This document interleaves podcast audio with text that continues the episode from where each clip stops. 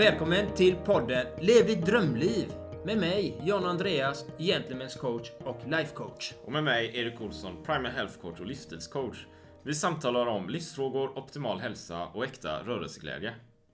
Vill du veta mer om oss så finns vi på sociala medier samt gentlemanscoach.com. Samt på twostrongarms.se. Ja, då var vi här igen då, Erik. Då är vi här igen då med ännu ett nytt fantastiskt spännande avsnitt. Med podden här då förstås, Lev ditt drömliv. Och idag har vi en riktigt spännande poddgäst. Eller hur John Andreas? För det har vi. Som du gärna får presentera. Vilket jag gärna vill presentera också såklart. Vi har Peter Martin här som är läkare inom funktionsmedicin vid FunMed här i centrala Göteborg. Och jag vet första gången vi träffades var på en föreläsning som du och Fanmer höll tillsammans med Paléinstitutet och Jonas Bergqvist i Stockholm som var på besök här nere. Och det var en föreläsning på Handelshögskolan, en och en halv, två timmar kanske var plus någonting. Och det jag själv kände i och med att jag också jobbar liksom inom branschen eller sektorn med kost och träning och de här grejerna. Kände en väldigt stor eh, gemenskap med egentligen. Och sen dess så ville jag också tänkte, äh, du var med podden faktiskt. Mm. Men att jag vill gärna bjuda in dig till den här podden. För jag tror vi har, och du har, ett viktigt budskap att föra fram dessutom. Mm. Så vi kör bara rätt in i podden här tänker jag. Och varmt välkommen Peter Martin. Och vi vill gärna naturligtvis höra lite om dig och lite om din bakgrund först innan vi kanske går in på de andra sakerna sedan. För vi har en hel drös av olika som vi vill ta upp här. Ja. Så välkommen till podden Peter. Ja, det är superkul att sitta här med er. Ja. Ja. vi träffas, har ju träffats förut Erik, men John, eh, eller Andreas. John Andreas. Ja. Eh, Jag, har inte, jag, fatt, jag har faktiskt inte fattat om det var ditt efternamn nu- eller ditt förnamn. Och det är väldigt roligt för att jag har ju levt med det hela livet själv. Att folk har undrat om jag heter Peter och Martin och Martin är efternamn eller förnamn. Mm. Men du heter John Andreas i förnamn. Ja, jag heter det. Ja, och jag heter ju Peter i förnamn. Och Martin i efternamn. Ja, ja. det är klart. Så Just det, nu har vi, nu har vi fixat det. Ja, men det är lite kul. Jag, jag hörde det på den här YouTube där du pratade lite om det också. Ja, Så det är lite intressant. Mannen utan efternamn. Ja. Men i alla fall, nej, jag, jag är ju läkare och eh, har eh, faktiskt ägnat 15 år av livet åt läkemedelsforskning. Mm. Så min pappa har varit VD på ett läkemedelsbolag hela mitt liv och min eh, farbror var radiodoktor i, i radion då på 70-talet och sådär. Så jag har liksom varit i, varit i den branschen fast jag har inte jobbat så mycket som läkare då förutom de senaste lite drygt eh, 10 åren då. Ehm, och det som hände var ju att jag, när jag, jag hoppade av läkemedelsforskningen 2008. Och då hade jag suttit i ledningen för ett forskningsbolag där som jag var med och skapade tillsammans med Arvid Carlsson och han, vår farmakologiprofessor då, som fick, han fick ju Nobelpriset bara ett halvår efter att vi hade startat det bolaget då. Så det var ju en jäkla spännande resa. Mm. Eh, Men då eh, på slutet där var jag ansvarig för ett rum med 200 pärmar i och massa dokumentation och sen kände jag det här är långt bort från det jag utbildar mig till egentligen. Mm. Så då sa jag upp mig och började jobba på vårdcentral och ett, efter ett par år så ja, smällde jag stenhårt in i väggen där. Såg inte den komma. Var sjukskriven i två år för utmattning. Det var depression, ångest, eh, självmordstankar. Det var riktigt tungt. Alltså. Jag kunde inte, kunde inte läsa tidningen. Jag klarade inte av att göra några komplexa saker. Eh, Så, så, så tog jag mig tillbaka därifrån. Och den stora grejen där var när jag la om kosten. Mm. Och det är ju lite det som eh, en av de grejerna som är gemensamt för oss då kanske att vi har alla genomgått någon sorts transformation där vi Ja. har ätit som, som de flesta gör till att inte äta som de flesta gör. Eller hur? Ja, det stämmer. Det stämmer. Jag har provat mycket själv. Många olika dieter liksom. Och, så att jag håller med det faktiskt. Provat med äta bara fisk, bara ägg och lite grönsaker och varit vegan och vegetarian, pescetarian, köttian eller vad det kallas. Så att eh, jag har provat lite allt möjligt. Ja. Så det är kul. Ja. Nej men så, och sen den korta storyn är att från den, de två veckorna när jag testade, och det var ju lågkolhydratkost jag Mm. prövade Ja. efter jag hade läst eh, en bok då som heter Matrevolutionen av Andreas Enfeldt. Millions of people have lost weight with personalized plans from Noom, like Evan, who can't stand salads and still lost 50 pounds. Salads, generally, for most people, are the easy button, right? For me, that wasn't an option. I never really was a salad guy. That's just not who I am. But Noom worked for me. Get your personalized plan today at Noom.com. Real Noom user compensated to provide their story. In four weeks, the typical Noom user can expect to lose one to two pounds per week. Individual results may vary. Cool fact a crocodile can't stick out its tongue. Also, you can get health insurance for a month or just under a year in some states. United Healthcare short term insurance plans, underwritten by Golden Rule Insurance Company, offer flexible, budget friendly coverage for you. Learn more at uh1.com. Hey, I'm Ryan Reynolds. Recently, I asked Mint Mobile's legal team if big wireless companies are allowed to raise prices due to inflation. They said yes. And then when I asked if raising prices technically violates those onerous two year contracts, they said, What the f are you talking about, you insane Hollywood ass? F- So to recap, we're cutting the price of Mint Unlimited from $30 a month to just $15 a month. Give it a try at mintmobile.com slash switch. $45 upfront for three months plus taxes and fees. Promo rate for new customers for limited time. Unlimited more than 40 gigabytes per month. Slows. Full terms at mintmobile.com. som är kostdoktorn eller numera diet doctor då. Eh, Då testade jag det, körde stenhårt sån här ketogen kost, man tar bort i princip alla kolhydrater. Och nej, det var ju helt magiskt. På två veckor så blev jag av med liksom en bullrande IBS-mage. Jag tappade bort min ledvärk. Jag har haft lite sådär eh, på olika delar i kroppen i flera år. Och jag tappade fem kilo gubbfett runt midjan. Som jag tänkte, det var ju, hade ju med åldern att göra. Jag hade ju fyllt 40 liksom. Det är klart att det var väl naturligt. För det är ju bara att se sig omkring på sina kompisar. Alla har ju det. Ja. Så nej, det försvann på två veckor liksom. Och sen klarnade hjärnan upp så jag kunde jobba hela dagen när jag arbetstränade då. Så jag bara kände, eh, this is a black box. Um, Det här är någonting de har glömt att berätta för mig på läkarutbildningen. Ja. Och sen de, de två veckorna så har jag varit maniskt intresserad. Liksom, eh, varenda dag har jag gått ut på att lära mig mer om detta. Och lyssnat på tusentals timmar podcasts från USA då. För det är ju där den stora kunskapen finns inom, inom ja, mycket nutrition och så. Men också då hittar jag ju funktionsmedicin. Ja, precis. Som ju, jag vet inte, alla vet inte vad funktionsmedicin är för någonting. Ja, men, Nej. Alltså, precis där man lägger om kosten och allting och, och funktionsmedicin. När jag, när jag pratar med personer så är kanske det som en så här främmande term då såklart. Eller, eller så säger jag evolutionsbiologi eller någonting och folk tittar på mig. Vad snackar han om eller? Men för mig är det så vanlig terminologi då. Så jag är van vid att prata i sådana termer. Men jag tror inte de flesta är ute det. Och de som lyssnar på podden, är ju, många av dem är ju säkert inte det heller. Så du får gärna berätta lite, vad, vad, vad är funktionsmedicin för något? Mm. Eh, funktionsmedicin är eh, helt, den stora skillnaden mot den konventionella medicinen som vi har levt med nu i, i många, många år.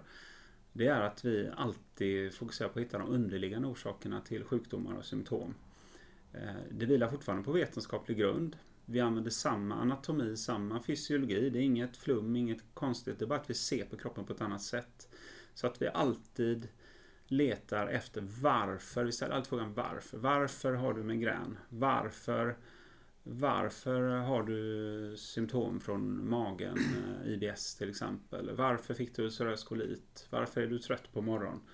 Det är inte så att vi om du har migrän så får du bara migränläkemedel och alla blir nöjda för att det kanske hjälper. Nej, vi vill korrigera de underliggande orsakerna. Och nu har vi ju, vi har ju fantastisk datakapacitet, man kan eh, räkna på saker, vi har fantastisk labbverksamhet, man kan mäta saker. Så att inte göra det, att inte gå in och verkligen mäta mycket hos varje människa och försöka förstå sig på det. Förstå sig på just den individen och dess unika biokemi. Det, det tycker jag är i dagens läge är ju egentligen det. Det är ju 1900-tal. 2000-tal är att man, man går in och, och tacklar det individuella, tar reda på just den här individens problem. Problemet är att den konventionella sjukvården har ju inte gjort den här transitionen eller in, inte, knappt ens börjat. De vet knappt ens att funktionsmedicin finns. Det är kanske 5% av befolkningen som vet att funktionsmedicin finns idag. Men om tre år kommer 95% veta det för att det, det håller på att explodera i intresset för, för att de flesta människor är ju inte nöjda med att man bara går till vårdcentralen. Ja, ah, du har depression, du kan välja på de här två läkemedlen. Mm. Okej, då tar jag det. Och så. Istället för att försöka ta reda på varför har man depression. Är det någon näringsbrist eller är det att du har läckande tarm och inflam kronisk inflammation som kan ge depression? Eller är det något annat?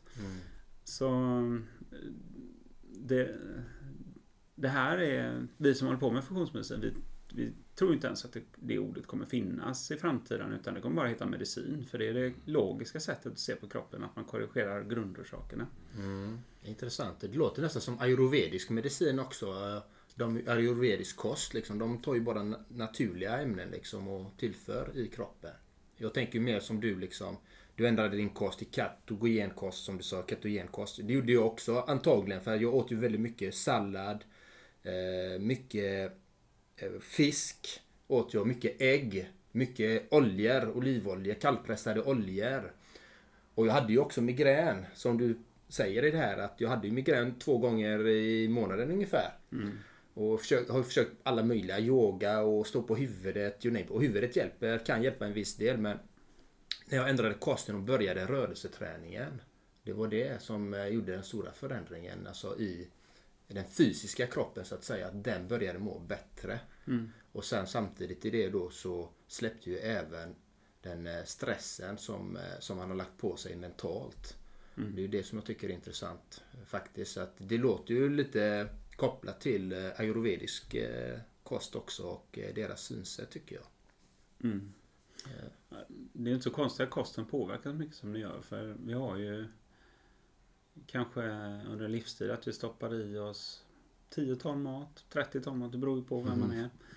Och det, det stoppar man in i, in, i ett, in i ett rör som passerar genom kroppen då. Där vi har den största ytan mot omvärlden. Det är typ en badmintons, badmintonplan eftersom tarmarna är ju inte bara ett stelt rör liksom, utan det är ju massor med utskott, sådana här tarmludd liksom, som gör att man ökar ytan.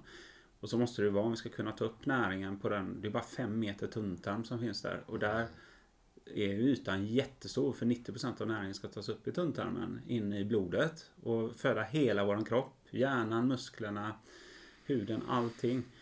Så det är ju inte konstigt att maten då kan påverka och inte minst eftersom typ 60% av immunförsvaret, alltså de vita blodkropparna som ska skydda oss mot mot covid-19 och som vi är mitt inne i nu när vi har detta samtalet eller mot andra bakterier, toxiner, vad som kommer in. Eh, Det sitter ju runt tarmarna i immunförsvaret. Så det är helt logiskt att det vi stoppar i munnen kan påverka både tarmarnas funktion, eh, immunförsvaret, det kan påverka hela kroppen eftersom om man får någon vajsing i, i tarmarna så kanske inte näringsupptaget blir riktigt optimalt. Och om du tar alla näringsämnen du behöver. Det finns ju 46 stycken essentiella näringsämnen som du måste få i dig via kosten. Eh, Och om du inte får i dig dem, ja då är ju några processer i kroppen som inte får eh, smörjmedel att snurra runt. Liksom. Olika kemiska reaktioner så som inte funkar. Så det är väldigt logiskt när man bara tänker på det. Vilken läkare som helst eller sjukvårdsutbildare skulle kunna räkna ut detta egentligen på en förmiddag. Bara att vad är mest logiskt? Grunden till sjukdomar, det borde ju komma från mag-tarmkanalen. Det borde rimligen ha med kosten att göra. Men ändå ser det som en blind fläck. Och det beror på att läkare läser bara 12,5 timme näringslära på, Oj, på fem och ett halvt år. Ja, ja. Det är så det är. det var inte mycket. Ja, det så var det ju när jag läste medicin för herrans massa år sedan och så är det fortfarande. Det, det är för att hela det paradigmet, det bygger på, vi brukar kalla det för one ill, one pill. Du har one ill, det är en diagnos, migrän eller hypertension eller reumatism och så har du one pill, då tar du ett läkemedel som ska trycka ner det symptomet, sänka ditt blodtryck eller trycka ner immunförsvaret i reumatismen eller ta bort migrän smärtorna. Eh, och det, det är liksom, man är så fast i det paradigmet så om någon påstår att ja, men om du åt den kosten så blir det bättre. Då finns plötsligt inte den studien liksom, för det passar inte i den historiebeskrivning man har. och Den, eh, det är väldigt svårt när man har en man har cognitive bias hela tiden. Alltså att du har en förutfattad mening om att vad som, vad som kan funka och inte. Kan man då ingenting om näringslära och kost, vilket läkare till exempel som inte har läst extra om det, de har inte fått lära sig det. Det är inte deras fel, det är systemets fel. Eh, Då, då kan man inte riktigt ta in all den kunskapen som finns, för det finns ju otroligt mycket forskning som inte ens tas hänsyn till idag. Mm. Hur... eh, För jag, jag, jag tänker ju ofta, vi kanske, jag kanske nämnde det förra gången vi träffades så här. Just det, det här paradigmet. Vi, vi har ju den uppfattningen, eller många av oss har den uppfattningen att kosten är ju kanske mer för eh, energin och så lämnar man resten lite åt sidan sådär. Och, och när jag går och handlar till exempel på Ica, Willys och Coop och sådär och man ser vad folk lägger på bandet. Det är ju som jag handlade innan också, ska vi säga då. Att jag åt ju egentligen mer eller mindre vad som helst. Jag tänkte inte på det. Den här frukostmaten och müsli och flingor och apelsinjuice och bullar och choklad och godis på lördag och lite på söndag kanske och på tisdag och så här. Alltså det, det var ju inga bra grejer och om man då tänker att det vi lägger på bandet och det vi äter är det som ger vår näring, det är det som bygger kroppen. Och näringen vi lägger på bandet är ju undermålig från början. Så vi ger ju inte oss själva rätt förutsättningar för att faktiskt må bra. Eller kanske då kämpa mot ett covid-19 till exempel. Så vi har ju redan vi försämrar våra egna förutsättningar från början. Men, men jag tänker ju att det här, det här paradigmet är ju det är överallt. Det är ju, Mm. hur, eh, hur kan man förändra det? Liksom? Hur, var kan man börja någonstans? Ja, just det. Men jag, jag tror på att man måste köra på flera olika nivåer i samhället samtidigt. Ehm, så jag menar, om du verkligen ska ändra saker måste det ju ske på politisk nivå. Men jag ser det, det du nämnde där, vad folk äter och vad de lägger på bandet. Det är apelsinjuicen och det är godis och det är glass och det är flingor och massor med bröd och pasta och sånt. Det är mycket kolhydrater. Och kolhydrater är ju, man tittar, antingen är det stärkelse som finns mycket i potatis och pasta, ris, eh, mackor och så. Och det är ju glukoskedjor och glukos är ju en enkel sockermolekyl bara som är det som är blodsocker egentligen. Och då bryts ju ner det, det bryts ner till socker direkt i kroppen. Och sen när det andra är om det är socker då, då är det ju glukos och fruktos. Det är två sockermolekyler som sitter ihop. Som också bryts ner till eh, glukos som kroppen kan använda. Fruktos är lite mer som ett nästan ett gift liksom. Det får levern bryta ner ungefär som alkohol. Men det där är ju folk, folk stoppar i sig alldeles för mycket av det generellt sett. Så att, och det jag vill komma till är att här finns en, en eh, komponent av addiction helt enkelt. Alltså eh, carboholic pratar man om på engelska. Att man är kolhydrat-addicted helt enkelt. Vi har inte under evolutionen ätit så mycket kolhydrater som vi gör idag. För det har aldrig funnits på, på savannen på det sättet. Men eh, en del tänker ju, men det finns ju massor med tropisk frukt. Det jag har sett när jag har varit i Afrika. eller något sånt där. Ja, men inte året runt. Liksom mangosäsongen i Afrika är kanske april till juli på vissa ställen. Då, som jag, liksom, då käkar de massa mango nu. Och mangon på den tiden, vilt såg inte ut som de gör nu. Liksom. Likadant bananer och alla de här. Precis. Liksom, om man tittar vad schimpanser och sånt äter. De äter ju ganska bit, bittra frukter. Liksom. Så vi, vi har en totalt felaktig uppfattning om vad, vad som är normal kost. Och så har vi addiction kring det då. Som gör att när, om jag börjar där med polit, att påverka politiskt. Jag ser det som att tyvärr så att vi har en hel befolkning som är mer eller mindre socker, carb addicted. Och det är väldigt svårt att säga till någon att du, nu tar vi ifrån dig ditt heroin här om man är heroinist. Liksom. Det är ungefär som, nu måste vi stänga alla Pressbyrån som säljer godis här. Liksom. Ja. Nej, men det är ju praktiskt att ha tillgång till. Nej, men så det där är ett stort problem. Därför måste man lite grann vinna, vinna den här kampen person för person då. Ja. Som alla vi tre som sitter här har ju gjort en eg, har haft en egen upplevelse. Ingen kan ta ifrån oss den upplevelsen. Att, Exakt. att det påverkar, som jag själv berättade om min hälsa på bara två veckor. Liksom. Ja. Och detta gäller ju egentligen det gäller inte exakt alla människor att de ska äta mindre kolhydrater men på befolkningsnivå är det ju väldigt mycket så.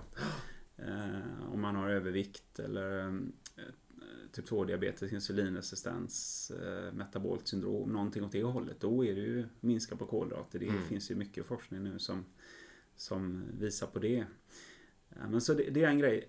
Sen om man ser om man ska vinna eh, om man ser min egen egen ingång i detta är att jag försöker ju inte jag försöker ju liksom ändra hela sättet man ser på medicin i Sverige. Funktionsmedicin har ju funnits i USA sedan början på 90-talet och det är ju så har det funnits länge och liksom utvecklats men, men eh, nu växer det mycket snabbare än det gjort förut. Men det sättet vi jobbar på här, på FAMME då, våran mottagning som nu finns både i Stockholm och Göteborg och kommer finnas på många platser i Sverige under kommande, år, eh, kommande åren här, för att vi är fler och fler läkare som, som kommer in som, som, alltså det är en franchiseverksamhet då, så vi hjälper läkarna att kunna jobba med funktionsmedicin, vilket är ganska stökigt så man tar mycket prover och skickar dem till USA, England och Tyskland för att mäta massa saker på varje patient.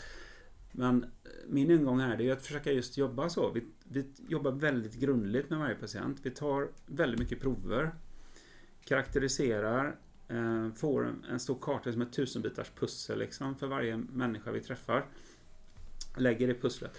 Och då kan man fråga sig, att, måste ni ta så mycket prover för att folk ska bli friska? Nej, det måste vi kanske inte alltid göra, men vi gör det för att vi vill vi vill dels visa patienten på det här nya sättet att tänka. Inte bara att vi sitter och babblar utan vi har faktiskt svart på vitt på det vi säger. Du har brist på selen. Du har för lite B12 i, i kroppen och det kan bero på det här och det här att du äter sig och så eller har någon tarmproblem. Det är det ena. Och sen så vi läkare behöver också, eftersom vi inte har lärt oss detta, behöver vi också ta mycket prover för att förstå liksom, hur hänger hela det här fältet ihop med hur folk mår. Och den tredje biten är att vi behöver övertyga andra läkare, sjuksköterskor, andra människor i samhället, politiker, att det här är inte något flum. Vi kan mäta detta, vi kan liksom påverka så att vi kan... Och då kan man ju också se att, aha, jag har lite förhöjt fastinsulin här. Det mäter man ju inte i vanliga sjukvården. Men vi mäter det på alla. Då kan man se, fastinsulin, vad betyder det? Ja, du har början på insulinresistens. Hur gör man med det med kosten? har vi redan sagt. Man drar ner på sitt kolhydratintag och äter kanske mer fett och protein istället. Liksom, så det där är ett sätt som vi har att, som vi vill påverka på mm. genom att mätdata helt enkelt. Mm. Tycker du man ska ta bort kolhydraterna helt, strypa dem helt eller minska dem? Behöver man kolhydrater i, i någon form? Ja, intressant fråga. Ehm, för det första, jag har hört eh, lite som ni har pratat om på er podd förut. En väldigt viktig del som jag tror vi är överens om. Det är att alla människor måste ju pröva mer. Ja, verkligen. Liksom, man kan inte bara gå in och göra samma sak som man gjort i 30 år och tro att något annat ska hända plötsligt. Oj, tänker man gå ner i vikt nu? När jag gör samma sak. Nej, du får ju prova någonting. måste, och det kan, det kan vara lite tufft. Man kan behöva bryta vanor. Till exempel sluta mm. dricka sex koppar kaffe om dagen. Och gå ner på en kopp eller prova till, helt enkelt att detoxa och, och liksom ta bort det helt. Då gör man det. Då handlar det om att göra det några veckor. Likadant med Ska man äta lågkolhydratkost? En del säger ja men det har jag provat. Det funkar inte mig. Ja, hur länge höll du på med det då? Ja, det var tre dagar. Ja. Eh, nej, du måste äta åtminstone en månad, gärna sex veckor, så ska du äta lågkolhydratkost. Precis. För att det tar eh, tid för kroppen att ställa om och ni som tänker testa detta, glöm inte att äta mer salt då om ni inte har väldigt högt blodtryck eller någonting. Då äter man mer salt, det är det viktigaste, mm. vanligaste missen folk gör då. Men det kan ha fantastiska effekter bara att lägga en månad av sitt liv på att testa det till exempel. Ja, det gör underverk. Jag vet ju själv. Jag gjorde ju det. Ja. Liksom, så det händer ju hur mycket som helst. Liksom. Ja. Vi har det alla i oss. Vi har det maskineriet i oss att, att gå över på fettdrift istället för att bränna kolhydrater. Och då har man ju sin bränsletank med sig som eh, Erik berättade, du har inte ätit någon frukost idag. Mm, liksom. Mm, mm. Och det, det, behöver du inte för du, du är inte överviktig men du har ändå kanske 10 kilo fett på kroppen eller något sånt. Mm, som du har som din bränsletank. Sen din fråga var också om det... Jag babblar på här nu. Det är bara att köra på. Det är helt underbart. Det är så det ska vara. Det är så det ska vara. men då, du frågade, men behöver man inte kolhydrater? Jo, vi behöver kolhydrater. Vi måste... Vi, kroppen måste ha kolhydrater. Men det är inte samma sak som att vi måste äta kolhydrater. Det finns inte en enda essentiell kolhydrat du behöver äta egentligen hela livet. För att det är bara vissa celler i kroppen som behöver lite kolhydrater. Och totalt går det åt kanske 20-30 gram på en, en dag. Det kan vara vissa celler i hjärnan. Det, de röda blodkropparna har inga mitokondrier så de, de kan behöva eh, glukos och blodsocker. Det finns vissa celler i testiklarna och det finns kanske någon, ytterligare någon cell i njuren och sådär som behöver lite kolhydrater. Men det gör ju kroppen själv av protein och av eh, fett faktiskt. Eh, Glycerolet i fett. Så, så, så kroppen kan, kan alltså ta aminosyror från protein vad den kan ta från fett och så kan den göra de här 20-30 grammen hur lätt som helst. Och det är ju inget konstigt för vi kan ju fasta i flera dagar. Blodsockret går inte ner till noll. Nej, det är för att kroppen gör ju hela tiden eh, blodsocker i levern då av just protein och fett istället. Jag- Jag tänker också så här, eh, du nämnde, ja, vi pratar kolhydrater, du nämnde salt, du nämnde fetter också. Jag, jag möter ju ofta fortfarande inställningen kanske att man har mättat fett och kött och så här, att det inte är bra, att det är ohälsosamt. Och ska vi äta fetter så är det ju olivolja och liknande vilket är bra då i och för sig. Men just att man ska undvika det här mättade fettet. Vad, vad har du för tankar om det?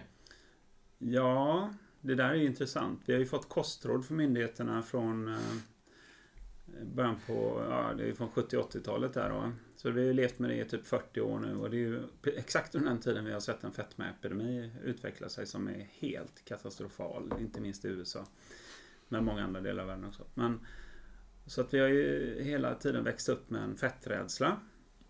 Och man ska inte äta kolesterol. Som min svärmor till exempel som är 80 år. Jobbar ju som företagsläkare och läkare i många, många år. Och hon, hon sa ju till sin patient att man ska inte äta ost, mer än en ostskiva på mackan. Man ska inte äta äggulor, det är farligt, det innehåller kolesterol. Eh, och det är ju för att, det var inte bara hon, det var alla läkare som sa det. Men det visar under hennes arbetsliv då. 2015 så tog man bort det rådet ifrån USA. Att man, man, man helt enkelt konstaterade att, att äta kolesterol det påverkar inte hälsan negativt. Men man smög bort det. Man, man har sagt det till befolkningen i typ 30 år. Och ändå så, så går man inte ut och säger det nu. Det är inte farligt att äta äggula och kolesterol. För, och, utan man bara smyger bort det. Och det säger ju lite om, om hedligheten i, i det här med kostråden.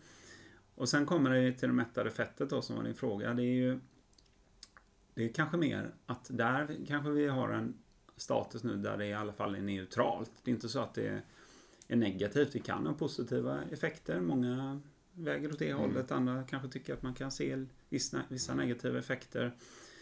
Men då ska man också veta att i sådana här koststudier när man kollar vad folk har ätit. De är generellt sett det är observationsstudier.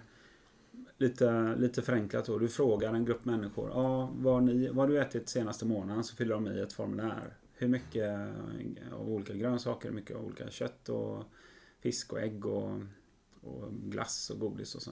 Fyller man i det och så, och så kan man vänta 10 år. Kanske man frågar dem igen i bästa fall. Eller så väntar man 15 år och så frågar man igen och sen så, man har inte mätt under tiden många gånger utan man bara ser ja, hur gick det för, hur gick det för dem då? Ja, det, och så ser man då, ja men de som åt mer kött och mättat fett, de, de hade kanske 18% ökad risk att få cancer. Ja. Ja, okej.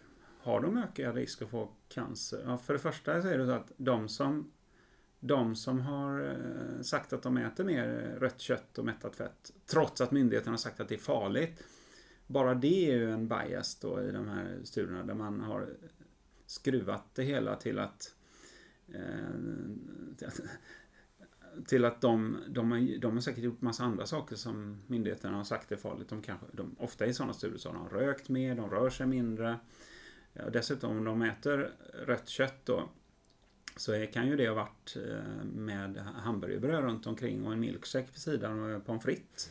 Liksom. Sådana saker. Som är, så sådana här studier, det går ju tyvärr inte att göra randomiserade studier. Att, du,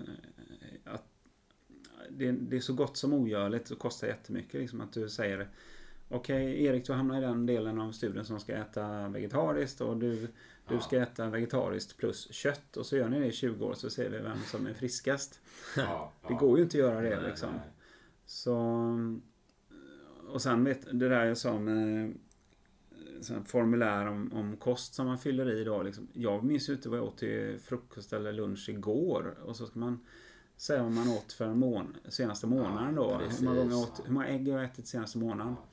De där studierna är så usla så att det finns en, en forskare i USA som heter John eh, eh, inte John Andreas utan John Ioannidis som är en riktig stjärna inom statistik och så. Han är en av de mest publicerade forskarna i hela världen. Alla kategorier. Han, eh, som är på Stan- Stanford. Han skrev en artikel för eh, ett och ett halvt år sedan någonting i en fin tidskrift där han helt enkelt sa att hela det här fältet där man forskar på nutrition det måste bara göras om, reformeras för det är så uselt. Och så tog han några exempel där. Om du äter 12 hasselnötter om dagen eh, så lever du 12 år längre. Och äter du... Äter du... Det är bra effekt i och för sig. Ja, just det. Och så var det motsvarande då. Så, så det finns många sådana studier. Så om man lägger alla dem på varandra då blir man nog 140 år eller Ja, sånt ja, ja, liksom. ja. Men det är ju helt orimligt. Va? Så du, du menar lite, för att vara tydlig, att de studierna inte är helt tillförlitliga? Exakt. Så, och, och då är det så här, mycket av eh, våra kostråd baseras på, på rent skräp, alltså rena, när det gäller studier. Och det har det kunnat göra för att vi har inte haft internet. Men nu har vi haft internet i så pass många år och inte minst de senaste tio åren har det hänt accessibiliteten. Liksom, du kommer åt studierna. Alla, det är liksom tusen och tusentals människor som sitter och läser de här studierna. Massa, massa smarta människor. Många gånger är de ingenjörer och inte läkare som går in och ser att ja, det här är ju helt koko det, det man baserar råden på. Ja. liksom, eh, utan det, när man verkligen tittar på studierna då kommer det fram något helt, helt annat då. Där faktiskt inte mättat fett är, är särskilt farligt. Transfetter då? Ja, men det är farligt. Förklara det för de lyssnare. De, de vet nog inte vad transfetter är, många utav dem där ute. Nej. Men det har ju att göra med när du har en olja och så, och så vill du kemiskt förändra den så att du kanske får lite mer härdat fett. Då kan du påverka den kemiskt.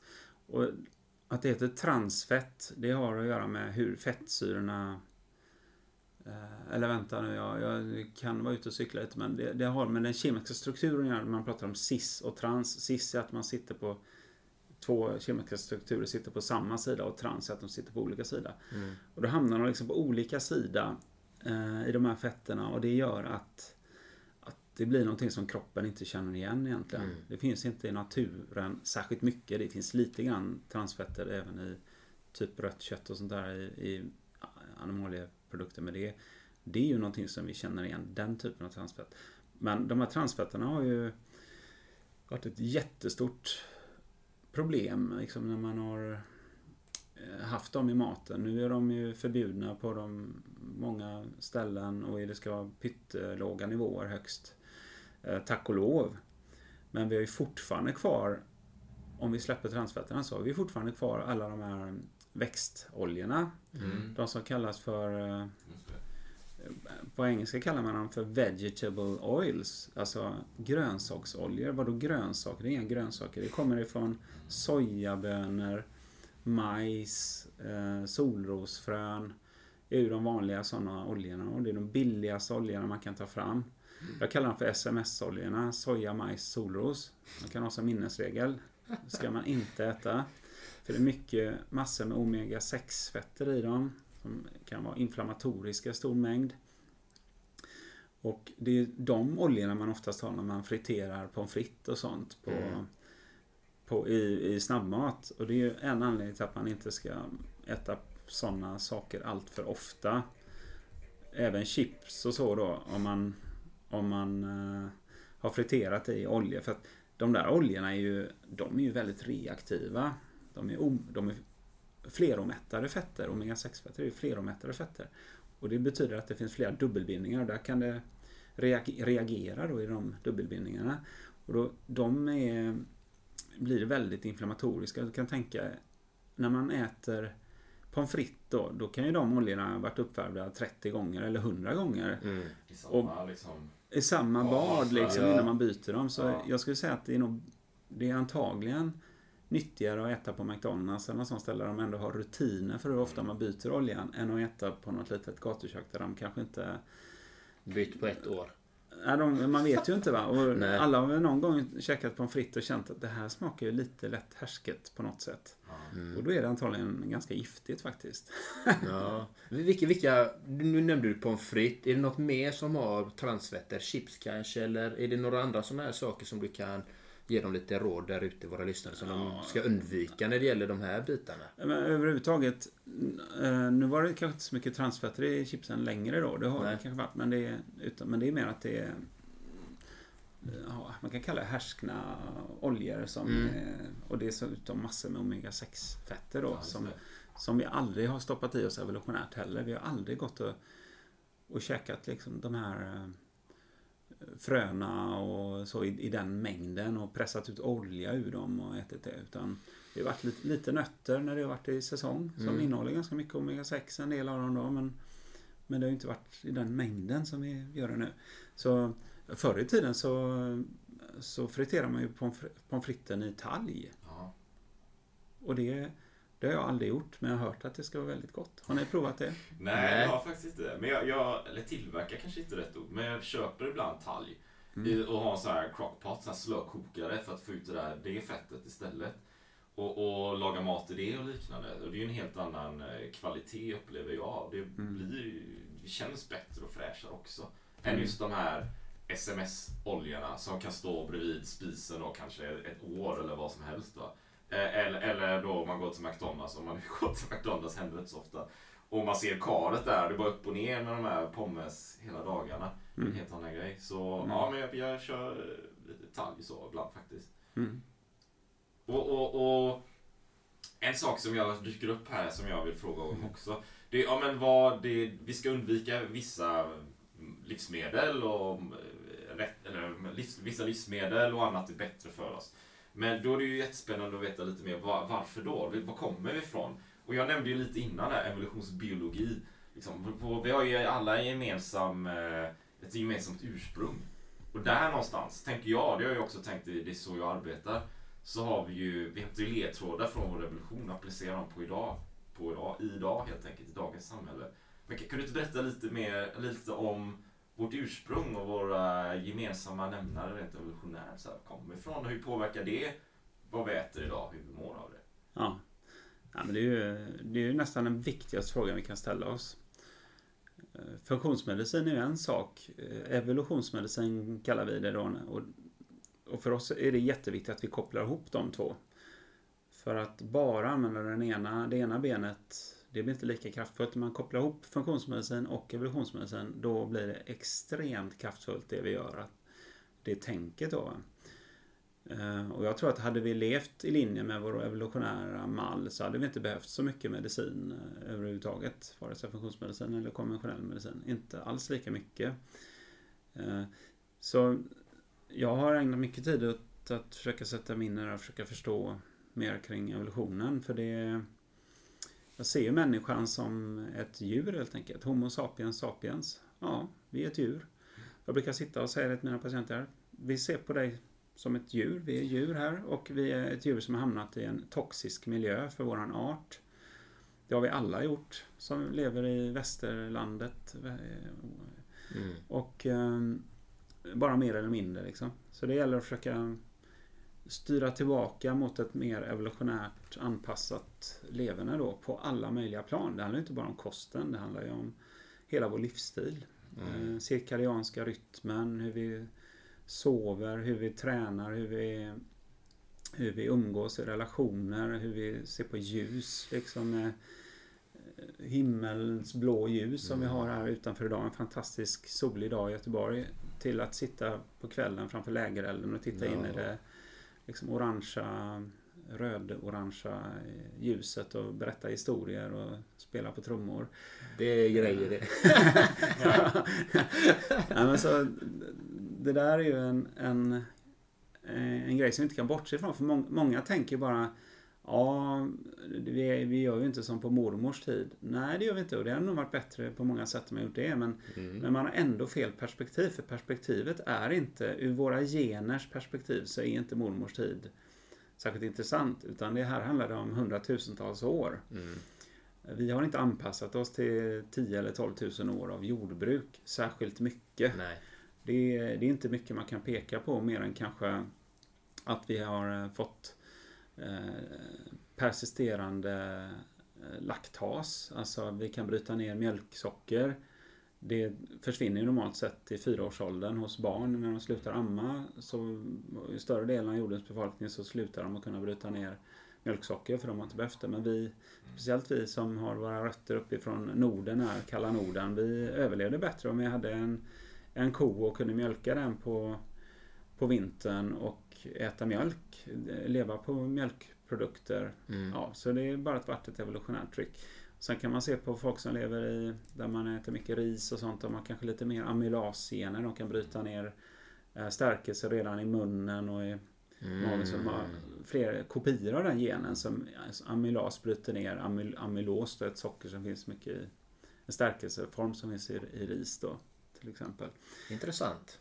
Ja, men det är så små anpassningar. Liksom. Det är pyttesmå anpassningar. Det, är inte, det är inte så att, att vi anpassat oss till, till den kosten vi äter. Utan här handlar det om att vi har varit människor, eller människoliknande, i två och en halv miljon år. Två och en halv miljon år. Första verktyget är säkert eh, nästan två miljoner, kanske 1,8 miljoner år tillbaka. Något sånt där. Eh, vi, har, vi har varit jägare säkert i två miljoner år. Vi har varit Precis. det, det börjar ju med att vi, vi var inte så duktiga på att jaga. Eh, skogarna försvann. Vi blev tvingade att ut på grässtäpperna som på grund av klimatförändringar då i Afrika, Östafrika framförallt. Så tvingades vi på grässtäpperna. Vi fick ett annat sätt att leva. Men då blev vi, var vi antagligen på engelska då scavengers eller asätare från början. Vi sprang fram till eh, någonstans där ett lejon kanske hade dödat en antilop. Vi kunde dels kanske skrämma bort lejonet genom att kasta sten på dem. Vi är ganska bra på att kasta, eller vi har blivit det i alla fall. Det är inga andra djur som kan kasta med precision. Och sen så kunde vi ta stenar och hacka upp skallen och, och ben, rörbenen och få ut benmärg. Så vi kunde äta hjärnan, vi kunde äta benmärgen. Och det är många som tror att det där var liksom starten på att vi själva fick en tillväxt i våra hjärnor och vi fick väldigt eh, väldigt, väldigt mycket näring och energi. För det är mycket fett i en hjärna, mycket fett i benmärgen för det som ätit ben, benmärg. Liksom. Det är ju jättefett, man blir grymt mätt på det. Och det är näringsrikt. Så där startar vi nog. Sen så blir vi bättre och bättre på att jaga då. Och jaga i grupp. Så en sak som jag brukar ta upp när det gäller det, det är ju våra instinkter som vi har fortfarande. Man kan få alltid fundera på varför blir någonting populärt i vårt samhälle? Och en sak som jag brukar peka på, varför är fotboll så populärt över hela jorden? Det är en bra fråga. Ja, men jag har ju svar på det då. Ja. Det är för att vi, vi är så riggade att jaga i grupp. Vi, vi älskar att jaga ett byte tillsammans och liksom samarbeta kring det. Det är det som är vår arts stora framgång, att vi samarbetar när vi jagar. Vi jagar inte bara, jag jagar inte bara för mig och för dig, utan vi jagar i grupp tillsammans. Sen tar vi hem bytet och så delar man upp det i hela, hela, hela liksom stammen på ett rättvist sätt. Och del, man äter olika delar av djuret, kanske olika gånger man, man eh, slaktar ett djur. Min mamma berättade om det, hon var på Borneo med, med pappa för ja, säkert, det var säkert 25 år sedan eller något sånt där. Och vi bodde med någon så här, i något långhus och de, de dödade ett vildsvin. Alla, det var fest, de kom hem med det här stora, stora vildsvinet och de styckade upp det. Hon sa de tog vara på varenda liten del och delade upp det exakt rättvist och på olika ställen för varje familj som bodde där då. Så, äh, så mycket om fotboll.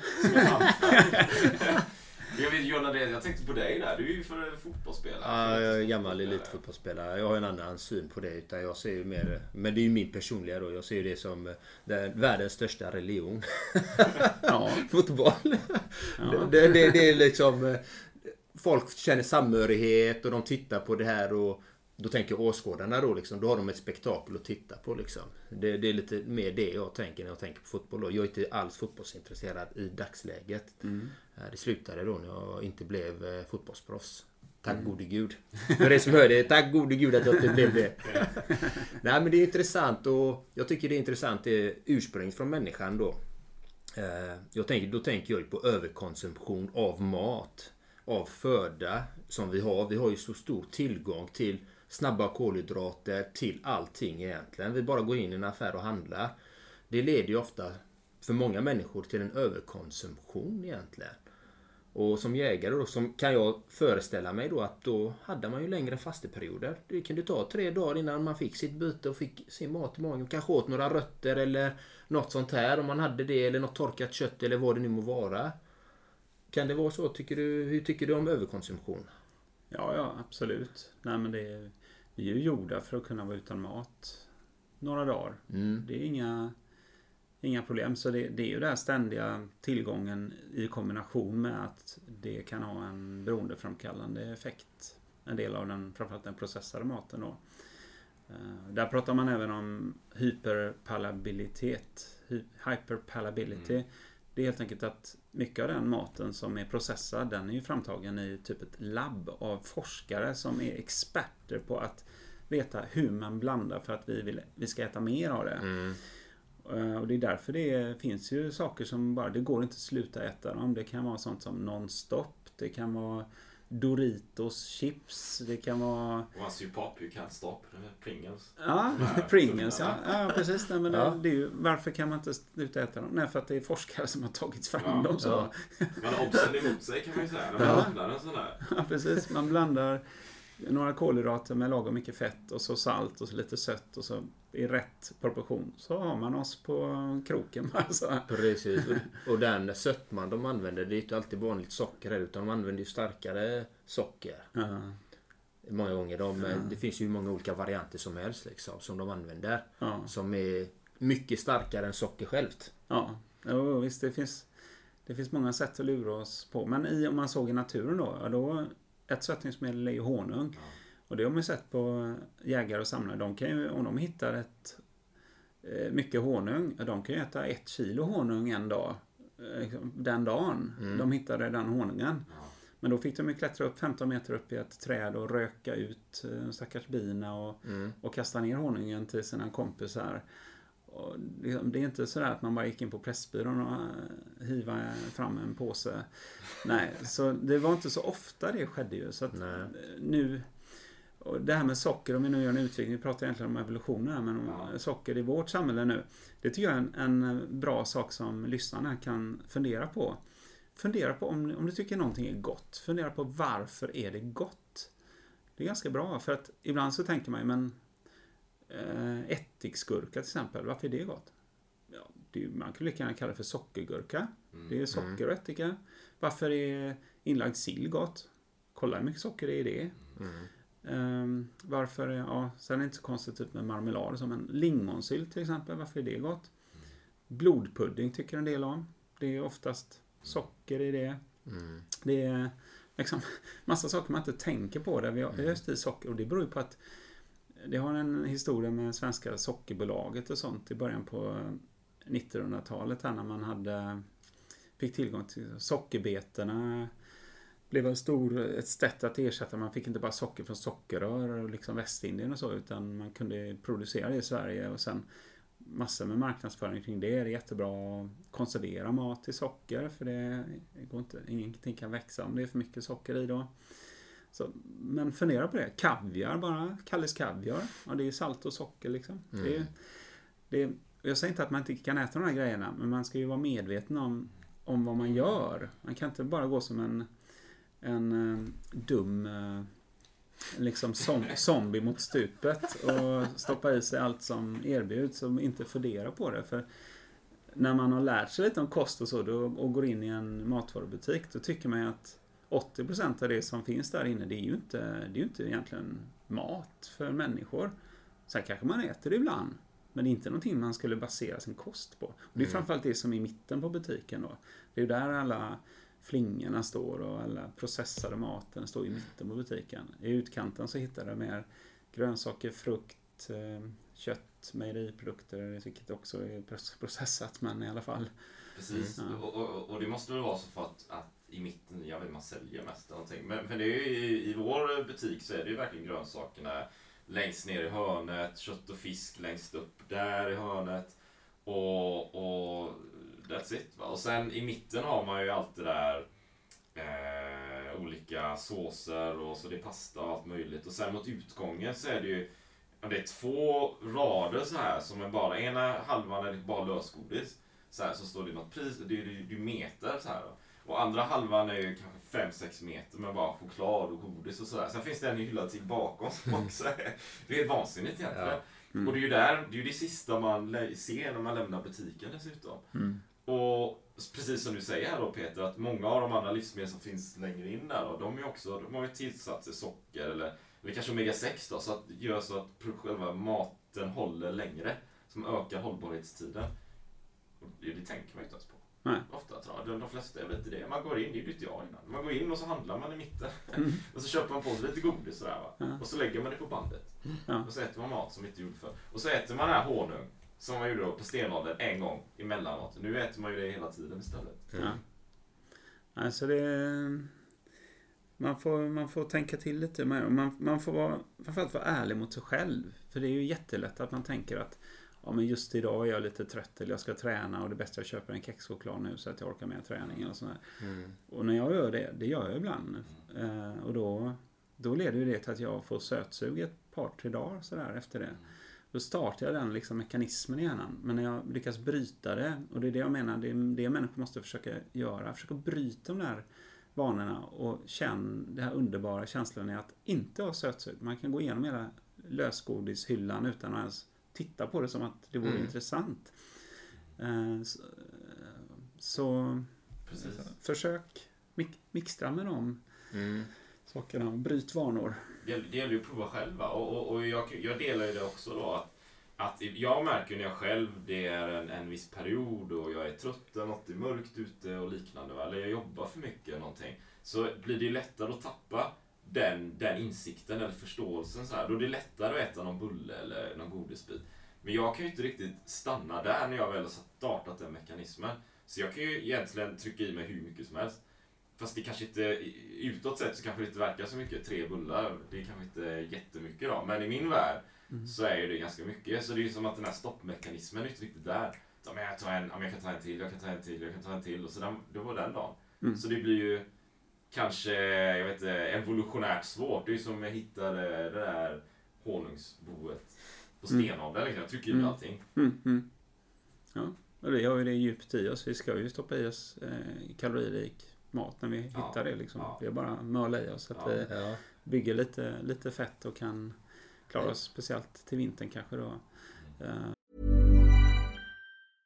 Cool fact a crocodile can't stick out its tongue. Also, you can get health insurance for a month or just under a year in some states. United Healthcare short term insurance plans, underwritten by Golden Rule Insurance Company, offer flexible, budget friendly coverage for you. Learn more at uh1.com.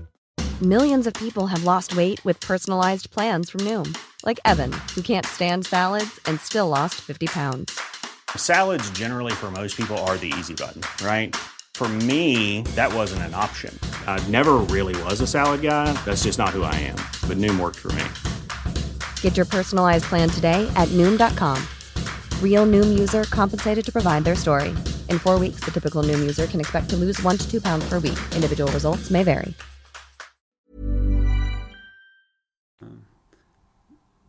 Ja. Ja, intressant. Ja, jag, jag försöker leva efter 9-10-regeln som jag brukar säga. Och en dag kan jag äta skräp liksom, om det skulle vara så. Resten kör jag clean liksom. Och försöker hålla det. Och det, det funkar ganska bra. Tycker jag för mig då. Och Då kan man, om man blir bjuden på en middag eller någonting eller vad det nu må vara, då kan man äta det. Det som bjuds. Ja. Och sen när jag kommer hem så kör jag mitt som jag vill göra hemma liksom. Och Då blir man ju också lite social, för det är också mycket socialt med att äta. Eh, Vi sitter ju i ett socialt rum och man sitter där, det är därför kaffefika finns. Lägerelden kan vi kalla det i nutid så att säga. Men vi sitter där med sämre produkter, sämre mat, sämre saker. Och egentligen, vi pratar inte om livets frågor oftast inte heller som de gjorde på den tiden. Hur de ska överleva, hur de ska bygga bon. Utan nu är det bara oftast mycket stress som är i de här miljöerna. Så jag, jag tänker ju vad, vad, vi pratar ju om instanser, vad kan man göra i samhället? Och du pratar om individnivå. Det är, det är ju där man måste börja, som jag ser det också. Ja. Och vi är ju tre hjältar. som jag ska säga faktiskt. Vi brinner ju för det att människor ska leva sunt och hälsosamt och må bra. Ja.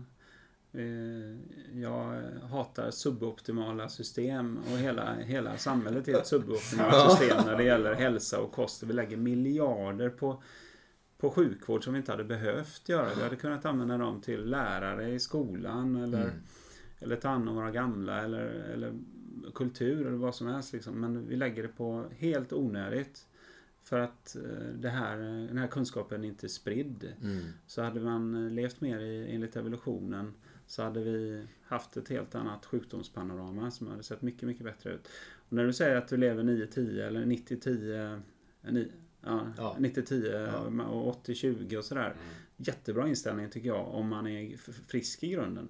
Här på, på FunMed som läkare så träffar vi ju många människor. De har varit sjukskrivna i 10 år och utmattade och eh, alla möjliga problem och symptom. Och så, när, vi, när vi ska läka dem här, då funkar ofta inte 80-20 utan det kan vara liksom 99-1.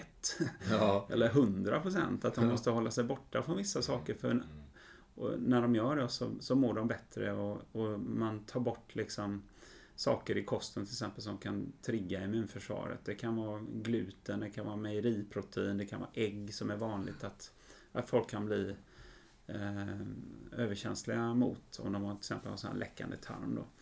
Och de, de måste liksom verkligen ta hand om sig. De kan inte dricka ett glas vin ens en gång i månaden, en hel del av de här människorna. Medan de läker i alla fall. Men sen är målet att man ska vara en motståndskraftig individ, som vi egentligen är i grunden i botten. Eh, Och då ska man ju kunna förhoppningsvis leva 80-20 eller 90-10 Mm. och liksom slappna av lite mer. Men jag tycker det, där handlar det om att man ska ha verktyg som till exempel över jul, då blir det lite väl mycket middagar och det var lite alkohol och så här, inga mängder, men, eh, men ändå. Och godis och så. För mig. Och då när jag tänkte efter julhelgen, här tre veckor, då tänkte jag, ja, nu har jag kört 24 timmars fasta två gånger och 36 timmars fasta, en gång. Det var bara för att jag dagen efter en sån middag någonting, kände jag bara att Nej men nu, nu, nu känns inte detta bra i kroppen liksom. Jag, jag, om, inte, om jag äter, om jag äter eh, mer kolhydrater och socker och sånt. Jag lägger ju på mig, jag får ju mage direkt liksom. Nästa dag börjar den komma. Det är ju mina gener bara som är sådana. Och då och sen när man har, eh, ju äldre man blir ju mindre eh, liksom, kolhydrater tål, tål man innan man får den effekten. Nej, men då, då gäller det bara att ha kontakt med kroppen och känna det då att nu, nu är detta på väg åt fel håll. Ja men då gäller det att ha ett verktyg. Mitt verktyg är, ja då äter jag inte. Och det är inga problem, det är bara okej, det är kanske eh, Ibland äter man ju bara för att liksom det är lite trösta sig lite eller att Ja. det, är liksom, det kan vara socialt och så. Men om man nu är hemma där man, då funkar ju det att man bara slutar äta. Och så äter man eh, frukost dagen efter istället eller lunch eller vad det är. Och så då är man tillbaka, man har nollställt maskinen igen liksom. Så kan man gå off the rails en gång till. Men, Så jag gör likadant faktiskt. Det var så himla roligt att höra det. För jag gör likadant. Ibland om jag har ätit massor och så bara dagen efter. Nej, jag vill inte äta någonting. Du ska inte, men det, det, då har jag lyssnat på min kropp. I, inte på alltså, intellekt utan jag har lyssnat på kroppen. Jag känner bara, nej jag vill inte äta. Jag är inte hungrig och jag äter på mig. Och som du säger, skulle jag fortsätta då som i tre veckor, det syns ju direkt, mina magrutor försvinner. Jag, då kommer fettet fram. Då har jag inget sexpack kvar liksom. nej. Och det är så, det, det, det talar sitt tydliga språk. Att det där är inte nyttigt att leva så. Om man, om man, om man, för det är att inte äta blir som en återkalibrering av mekanismen av kroppen så här. Men jag tänker också, för hur, hur vet man om man har optimal hälsa egentligen? Hur vet man att man verkligen mår bra så här? För jag kan ju tänka, jag kan känna det också ibland, man är lite trött och morgon när man bara, men jag borde vara piggare eller någonting. Eller magen kanske är lite knasig, men, men jag mår ju bra annars och jag är på jobbet och så här. Och, och det, det kan ju vara min reflektion. Och ibland kan jag känna mig stark och uthållig och gott om självförtroende. Och jag tror där ute i samhället eh, överlag så är det nog ganska vanligt. Man är stressad och man är inte riktigt klartänkt och sådär. Man är ju inte ens medveten kanske om att man kan må bättre. Hur, hur vet man att man kan må bättre? Liksom? Vilken nivå man kan ha till. Hur mår man när man är liksom på on the top? Va? Ja, du har ju en stor poäng där. Det är, ju- jag skulle säga att de flesta människor vet ju inte hur det är att må riktigt, riktigt på topp. Det tror jag. I, i dagens samhälle. Eh, tyvärr. Och det är ju för att dels har man ingen annan att jämföra med än sig, än sig själv. Och sen kanske man aldrig under hela sitt liv har mått riktigt hundra Yes. på topp då. Och det finns ju bara 20% av befolkningen har IBS. Och det ser vi att de som har det här, många av dem har ju, får olika symptom som är kopplade till det. Det kan vara att man har en bakterieväxt i, i tunntarmen, det som kallas för SIBO, Small Intestinal Bacterial Overgrowth, hittar vi hos många. Och det kan leda till att man får läckande tarm och så har du, du kan få lite hjärndimma, du kan bli lite trött, få lite värk, du kan få men det kan vara, det är många av de här som har IBS-symptom, de har aldrig sökt någon vårdcentral för det. De har bara haft det hela livet och tänkt att, nej men vadå? Så när de kommer hit och vi gör saker som gör att det försvinner de symptomen så känner de bara, va?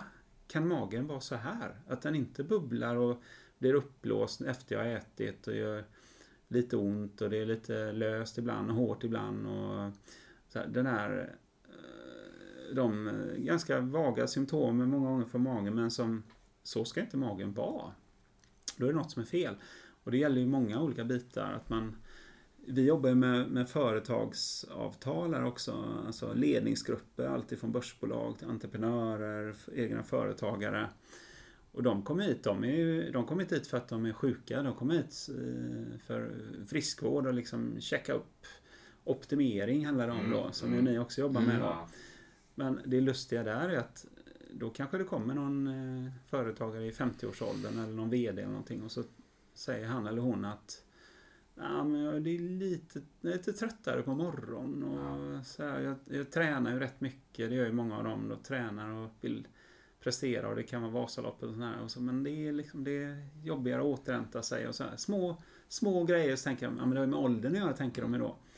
Och så tar vi alla våra prover, liksom hundratals prover och så ser vi ju det att den här högpresterande personen som fortfarande är högpresterande men de har ju inte alls helt friska. Vi har, hittar lätt inflammation i kroppen, problem med magen, tarmfloran, näringsbrister. Och sen när vi ändrar kosten då, plötsligt så har de tappat 6 kilo på kort tid. De har korrigerat näringsbristerna, magen funkar bättre. De sover bättre, känner sig mer utsövda. Liksom man har vridit allting mer rätt. Och plötsligt så bara, va? Det var inte åldern. Det var, det är bara att det har glidit. Ju längre tid du lever desto större är risken att du har halkat av den optimala banan. Och, och det är ju många saker. Det kan vara att vi har tagit antibiotikakurer som har stört tarmfloran. Och, Ja, det är intressant det där. Eh, Jag har ju en dotter som har en autoimmun sjukdom och har en bror som har en autoimmun sjukdom. Just när du pratar om det liksom. Hon hade ju reumatisk feber. Hon fick ju äta penicillin varje dag. Och fortfarande gör. Och då fick man ju tillägga, då fick hon, då, det är därför jag själv varit så mycket inne i kost och näringslära och de här bitarna. Och eh, hennes mamma då. Så att eh, då var det mycket med magbakterier och allt det här som man fick äta. Men vad beror de här autoimmuna sjukdomarna på? Är min fråga då egentligen. Mm. Det finns en man som heter Karl Hultén som driver Paleoteket. Heter det. Han är nog den personen i Sverige som kan mest just om eh, autoimmun kost. Och autoimmun kost, det går ut på att man tar bort vissa saker ur kosten som triggar immunförsvaret på ett sätt som att som att just eh, de här autoimmuna sjukdomarna när kroppens immunförsvar attackerar den egna kroppen av misstag så att säga. Ehm, att man kan minska den eh, de här triggningarna av immunförsvaret genom att ta bort vissa saker ur, ur kosten. Då. Och det, han säger ju det, Karl Hultén, att alla autoimmuna sjukdomar där man har sett om läckande tarm kan vara en faktor för att trigga igång autoimmuna sjukdomar. Alla sjukdomar när man studerar det där hittar man det också. Det finns som en faktor. Så man tänker sig att det som måste då ha en viss genetik, alltså ärftlighet av dina föräldrar och så. Och det ser man ju att jag hade en patient eh, förra veckan med Crohns sjukdom, började på Crohns sjukdom. Mm. Hans eh, morbror något hade Crohns sjukdom. Liksom någon har diabetes och någon annan diabetes, i, typ 1 diabetes i släkten. Det är väldigt ofta att det finns en sån koppling att Ja. det är just någon autoimmun sjukdom man har en tendens att få. Men det räcker inte bara ha genen utan du behöver ha någonting som triggar också. Då. Mm. Det kan vara en, en virusinfektion mm, till exempel. Men ännu oftare tror jag att det är att du får eh, läckande tarm. Av kanske någon bakteriell överväxt eller något sånt. Som vi ser här i alla fall. Och då börjar det läcka igenom ämnen från tarmen som triggar immunförsvaret på ett sätt att det går bananas liksom och Mm. attackerar. Det vanligaste är sköldkörteln. Och det är helt galet men det är säkert 500 000 framförallt kvinnor i Sverige då som har eh, autoimmun sköldkörtelsjukdom. Mm. Hashimotos sjukdom. Eh, och det enda man gör i vanliga vården är att man tittar. Ja, din sköldkörtel har lagt av här för immunförsvaret har attackerat den. Och då, då ger vi dig Levaxin som är sköldkörtelhormon då. T4 heter det. Och så man ersätter det. Sen är det stopp där. Liksom. Man tar inte reda på varför. För att man har inte det tänket. Mm. Här tar vi reda på varför. Och då ser vi att många som inte mår bra när de tar sköldkörtelhormon. Det är ju inte för att sköldkörtelhormonet inte verkar. Det är för att de inte åtgärdar den underliggande orsaken till att de blev sjuka. Mm. Som ofta har med magen att göra då. Mm. Så autoimmuna sjukdomar, eh, jag menar, vi, hittar ju, vi hittar ju så gott som alltid problem i magen. Och, och eh, när man jobbar med magen och kosten och så, och näringsbrister och så, då, då kan man inte, inte så att de kan bli helt friska och sköldkörteln, den kanske är liksom, stor del av den är, är, är inte död men liksom har, det fun- fungerar inte riktigt. Mm. Men de kan bli mycket bättre. Och i- tidigt i förloppet kan man ju vända det ibland. Mm. Mm. Så man kan vända det också tidigt. Om det är tidigt. Om det är tidigt. Intressant. Jag har ju själv eh, den, eh, fick ju den eh, när jag har gått igenom de här stadierna jag pratar om liksom. Så jag har ju själv problem. Jag äter ju T4 då, Levaxin. Jaha. Eh, Jag, nu har jag inte kollat mina prover längre men, eh, men jag äter det. Och, men jag har ju ändrat allting i, min kost i stort sett sen den tiden. Så det har varit intressant att se någon gång och hur, hur de testerna är idag faktiskt. Eller hur? Och, och, och, eller hur? Jag, bara, jag gillar ju tester va. Så jag, bara, jag vill ta alla tester. Jag gillar alla. Men många.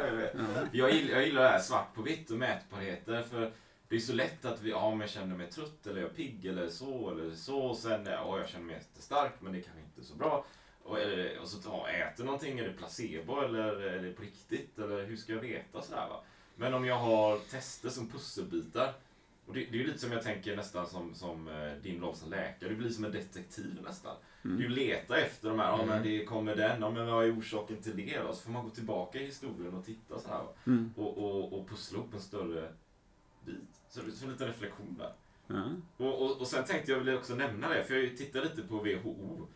Eh, om, om de, det stod där non-communicable disease, alltså icke vad heter, transfererbara sjukdomar, så här, livsstilssjukdomar kanske man kan kalla det då. Och då är det så att varje år dör 41 miljoner människor i det här. Och 71 procent av alla dödsfall, lite siffror så här då i alla fall. Det är hjärt-kärlsjukdomar 17,9 miljoner, cancer 9 miljoner, respiratory disease som är så här lungsjukdomar, kol kanske och liknande. Eh, 3,9 miljoner, diabetes 1,6 miljoner. Och även då på WHOs hemsida så står det att mycket av det här beror ju på fysiologi, miljö, beteenden och de är ju så här kroniska sjukdomar som leder till någonting och sen då eventuellt ett dödsfall i värsta fall. Då. Så det är ju verkligen ett stort problem. Alltså det är ju ett enormt... Det är ju, Ja. Ja, ja, men det är det ju. Och tittar vi på bara i Sverige då, vår sjukvårdsbudget så går 80% går ju till kroniska sjukdomar, inte akut sjukvård utan kroniska sjukdomar. 80% och det är ingenting som är kontroversiellt. Det vet alla politiker och så. Och hur mycket lägger vi då på prevention? Eh, alltså att förebygga sjukdomar som man skulle kunna tänka sig att det vore smart att göra med kroniska sjukdomar. 3% av sjukvårdsbudgeten lägger vi på prevention. Och då ligger vi ungefär sådär mitten av många västerländska länder. Kanada är bäst, de lägger 6% ja, ja. på det. Eh, och då vet vi att av den här 80 procenten av hela sjukvårdsbudgeten, de- de kroniska sjukdomarna, då vet vi att 80 procent av de kroniska sjukdomarna i sin tur är eh, påverkbara med livsstil. Alltså det är inte att man fick en kronisk sjukdom, att du hade en taskig gen. Nej. Utan det är ett, ett, samspel, ett samspel med din livsstil och hur du äter och sover och, och toxiner i vår miljö och hela den biten. Och det gör att 80% av 80%, det är 64% av hela sjuk- sjukvårdsbudgeten skulle vi kunna påverka Ja. eh, genom att ändra vår livsstil, teoretiskt sett. Men vi lägger bara 3% på att försöka påverka den enligt eh, statistiken nu då. Så det finns ett otroligt gap mellan 64% och 3%. Och det är det som jobbar på att överbrygga då. Eh, Precis, och tänk om man kunde ta de pengarna och lägga på något annat istället. Liksom. Istället för sjukvård och liknande. Investera i, jag vet inte, universitet och skolor, utbildning och forskning, allt möjligt. ja, I teorin i alla fall. ja, visst det är inte mycket. Vi behöver inte lägga 64% av sjukvårdsbudgeten på, liksom, Ja, på, på prevention. Men hade vi bara lagt 10% eh, på det och- vi hade fört in mer funktionsmedicinskt tänk. Visst, det hade ju kostat mer för varje patient i början. Ja. Men sen så lär vi ju dem hur de håller sig friska. Mm. Och detta har ju försäkringsbolagen fattat. Så vi har ju haft möten med flera stora försäkringsbolag och ledningen därför att de är ju superintresserade av det vi gör. För att de fattar ju det att om, om någon man korrigerar någon avvikelse, ba- obalanser i, i någons kropp nu så kanske man slipper eh, göra en bypassoperation om 15 år. Eller byta en höftled om, om 10 år för att de har artros då. Ehm, det, det, det är ju väldigt lätt och de, de gör ju inte det för att de vill vara snälla. De gör det för att de räknar på ekonomi. Mm. Ja. Ja, jag har faktiskt en, en fråga till så här, som jag gärna vill lyfta också i podden så här. Som jag vet att du också kör eh, till viss del i alla fall. Och det är ju det här med, med carnivore. Vilket jag tycker är riktigt, riktigt spännande. Och det kanske inte är helt, jag vet inte vilket ord jag ska använda, men det, det växer ju som, det är ju fler och fler som kör det och precis som du nämnde i USA är det ännu större som jag har förstått och de, de jag, källorna jag lyssnar på, podcast och liknande, liknande så verkar det ju växa där mer än kanske här. Och här är det ju kanske mer trenden är mer mot veganhållet snarare. Så det är någon slags vad, vad, händer, vad händer där liksom? Berätta lite om det? Köttian menar du? Köttian. ja, köttian. Det är det svenska ordet. Ja, det svenska ordet köttian. Ja, jag har inte hört någon som har använt det. Nej, jag hittar på det. Jag tycker det är roligt. Det är bra. Ja, alla fattar vad du menar tror jag. Ja. Köttian. Jag gillar det. Nej, men det är ju superintressanta tider vi lever i. Vi, vi lever i liksom en eh, vegotrend som har- varit väldigt stark. Mm, är fortfarande stark. Och så kommer då den här karnivorkosten och fullkomligt explodera då. Inte minst 2018 började det. Och hade du frågat mig för två år sedan om vad jag tyckte om det så hade jag ju sagt att det där låter ju eh, inte klokt. Det, vad, är, vad är detta för någonting? Det går inte att leva på bara kött. Så. För... eh, Nej, men, men sen så hände ju det att det här kom upp. Det var en, en av läkarna uppe i Stockholm som jobbar i funktionsmedicin, Dr. Linus Mårtensson, som var här och hälsade på. Och så berättade han för mig om det här. Det här håller på nu i sociala medier och sånt. Ja, okej, så jag började kolla upp det. Och sen är det så att de flesta patienter som kommer hit, de, väldigt många, de har provat det mesta. Liksom. De har provat alla möjliga grejer. Och så kommer de hit för att få ledning, vi mäter saker och sen så kan vi ge dem väldigt in, mätinformerade råd och det är som en sorts trial and error vi kör hela tiden. Nu testar du att äta så här i en månad och se hur det påverkar dig. Och så är vi noggranna med att följa upp vad får de för symptom och hur påverkar de. Och då, då var liksom nästa steg för en hel del av de här har varit att gå över och, och testa att äta bara kött. Alltså, men det är ju inte bara kött, alltså om du tänker muskelkött, utan det är ju man äter bara animalieprodukter då. Det är kött, fisk, ägg, fiskrom. Eh, Det kan vara benbuljong. Man äter hela djuret idealt sett då. Om man kan äta lever och njurar och hjärta och sånt så är det jättebra för det är ju det mest näringsrika man kan äta av allting. Liksom, lever slår allt annat. Grönkål, glöm bort det liksom. Lever är mycket mer näringsrikt. Och det, det här är, vi pratade om det här när vi tog upp en del av evolutionen. Ja. Människan har ju varit jägare i säkert ett par miljoner år. Och då har vi förstås ätit hela djuret. Så att det är därifrån vi kommer. Sen har vi ätit, vi har ätit rötter och nötter och, och frukt och bär och honung och så. Men jag tror inte vi ätit det i alls samma mängd. Rent, helt enkelt för att det har inte varit eh, funnits så mycket ute i naturen. Inte lika, lika energirikt som fett ifrån, ifrån framförallt stora djur då, som är fett, fettrika. Och även kött. Liksom, som, rött kött är ju extremt näringsrikt. Liksom. Massor med mineraler, massor med ämnen som vi behöver för en ämnesomsättning som är lättupptagligt. Inga antinutrienter som hämmar upptaget eller hämmar nedbrytningen eller håller fast i näringsämnen. Så det, det är... Så, så, så att det... Så man kan äta bara kött? Det är egentligen vad du säger. Ja, jag säger inte att alla ska göra det alltid. Och sen, det finns massor med saker man kan resonera kring här då. Det spännande är ju att detta händer nu och Mm. jag har en, ett favoritcitat som är från André Gide, alltså G-I-D-E. André Gide, en fransman. Han sa det att, på engelska då, eh, Trust those who seek the truth, doubt those who have found it.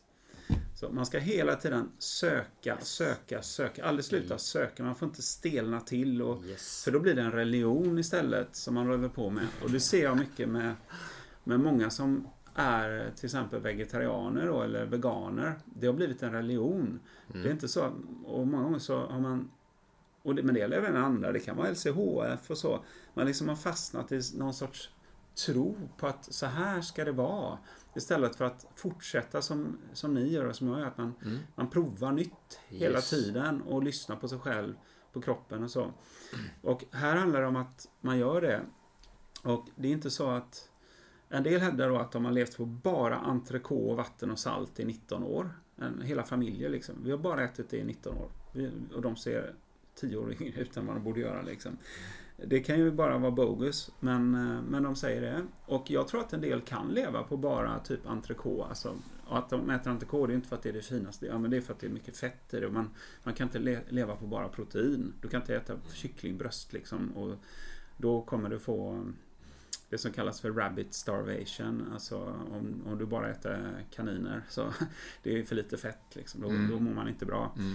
Men därför ska man äta bara alltså carnivore, bara djurmaterial. Då måste du få i dig tillräckligt med fett också.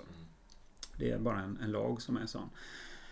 Och sen kan det hända att alla inte, inte får i sig alla näringsämnen om de bara åt entrecote. Utan de kanske måste äta lever och andra delar av, av djuret där det Mm. finns andra typer av näringsämnen. Till exempel i lever finns det mer av vitamin B2 än någon annanstans. Riboflavin, jätteviktigt för vår ämnesomsättning.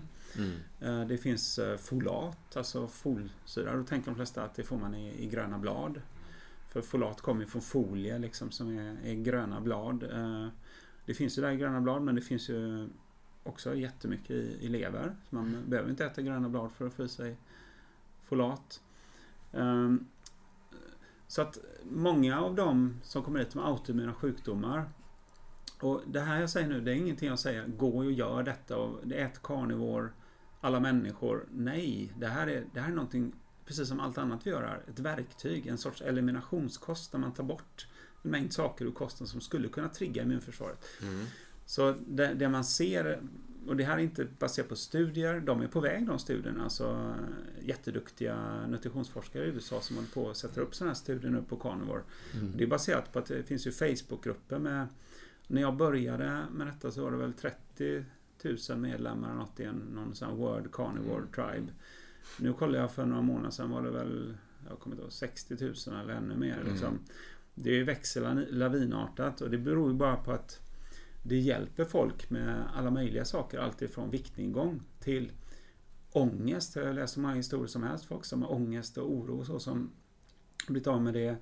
Autoimmuna sjukdomar, reumatism. Eh, en, en kollega i Stockholm berättade om en 85-årig dam som började äta carnivore förra sommaren och på bara två månader försvann hennes reumatism. Hon kunde sluta med läkemedel. intressant, Och det där har jag sett här också. Mm. Att det händer, att det kan hända. Och varför kan det hända då? Jo, det kan dels bero på att man tar bort kolhydrater nästan helt ur kosten då. Det finns ju lite glykogen och så framförallt i lever då men inte, det är inte mycket kolhydrater i det. Så att du påverkar din tarmflora. Har du en överväxt av bakterier och, eller svampar, candidasvampar något i tunntarmen så kan ju de svältas ut på detta sättet. Det andra är att det är inga, inte alls liksom antinutrienter i kött och så. För djur, de är farliga när de lever. Växter är farliga när de är döda. Så djur, de kan attackera, de kan försvara sig, bitas eh, på olika sätt. Men växter, de kan ju inte springa iväg så de måste ju försvara sig med kemisk krigföring. Det gäller alla växter, annars hade de blivit uppätna direkt. Då hade de inte funnits kvar. Så det är alltid en balans i naturen. Det är därför som, som gluten och sånt från, det är ju gräsfrö liksom. Det är ju, det är ju vetets frön, de måste ju skydda sig. De vill inte bli uppätna. Och det gäller ju alla frön och nötter och sånt, att det är ju djurens barn egentligen. Därför vill de inte bli uppätna, därför så skyddar de sig. Och det är det som kan göra att de faktiskt, att vi inte mår bra. Vi ska inte må bra när vi äter för mycket av, åtminstone inte en och samma växt. Mm. Längre tid då. Det är intressant. Jag vill ställa en fråga till. Eh, Jag tänker eh, köttindustrin då. Vi går in på den efter vi pratar om kött här. Eh, Mm. De, de djuren som oftast är i köttindustrin, de blir ju bara matade med majs. Vissa är väldigt... De äter ju inte den kosten som de åt innan. Så hur... Om du skulle förespråka någonting, alltså jag vet inte hur det finns det här men jag tänker ju att ett djur som går vilt, en hjort ute i svenska skogarna och en ko som är uppvuxen på majs. Alltså nyttigheten i, i vardera lever, det måste ju vara en markant skillnad eftersom den äter ju det den ska äta medan den andra får en ensidig kost. Det är det här vi pratar om också egentligen. Mm. Så förstår du min fråga? Absolut, ja, men det är, och det är ju helt logiskt att det måste vara bättre att äta djur som har levt efter sin evolutionära mall än, än de som inte har gjort det då. De Mm. borde rimligen vara friskare och så. Sen finns det ju, det där kunde vi pratat om i timmar den Ja, frågan. det kan vi göra. Jag vet, jag vi vet. kunde väva in klimatfrågan och sådär. Ja.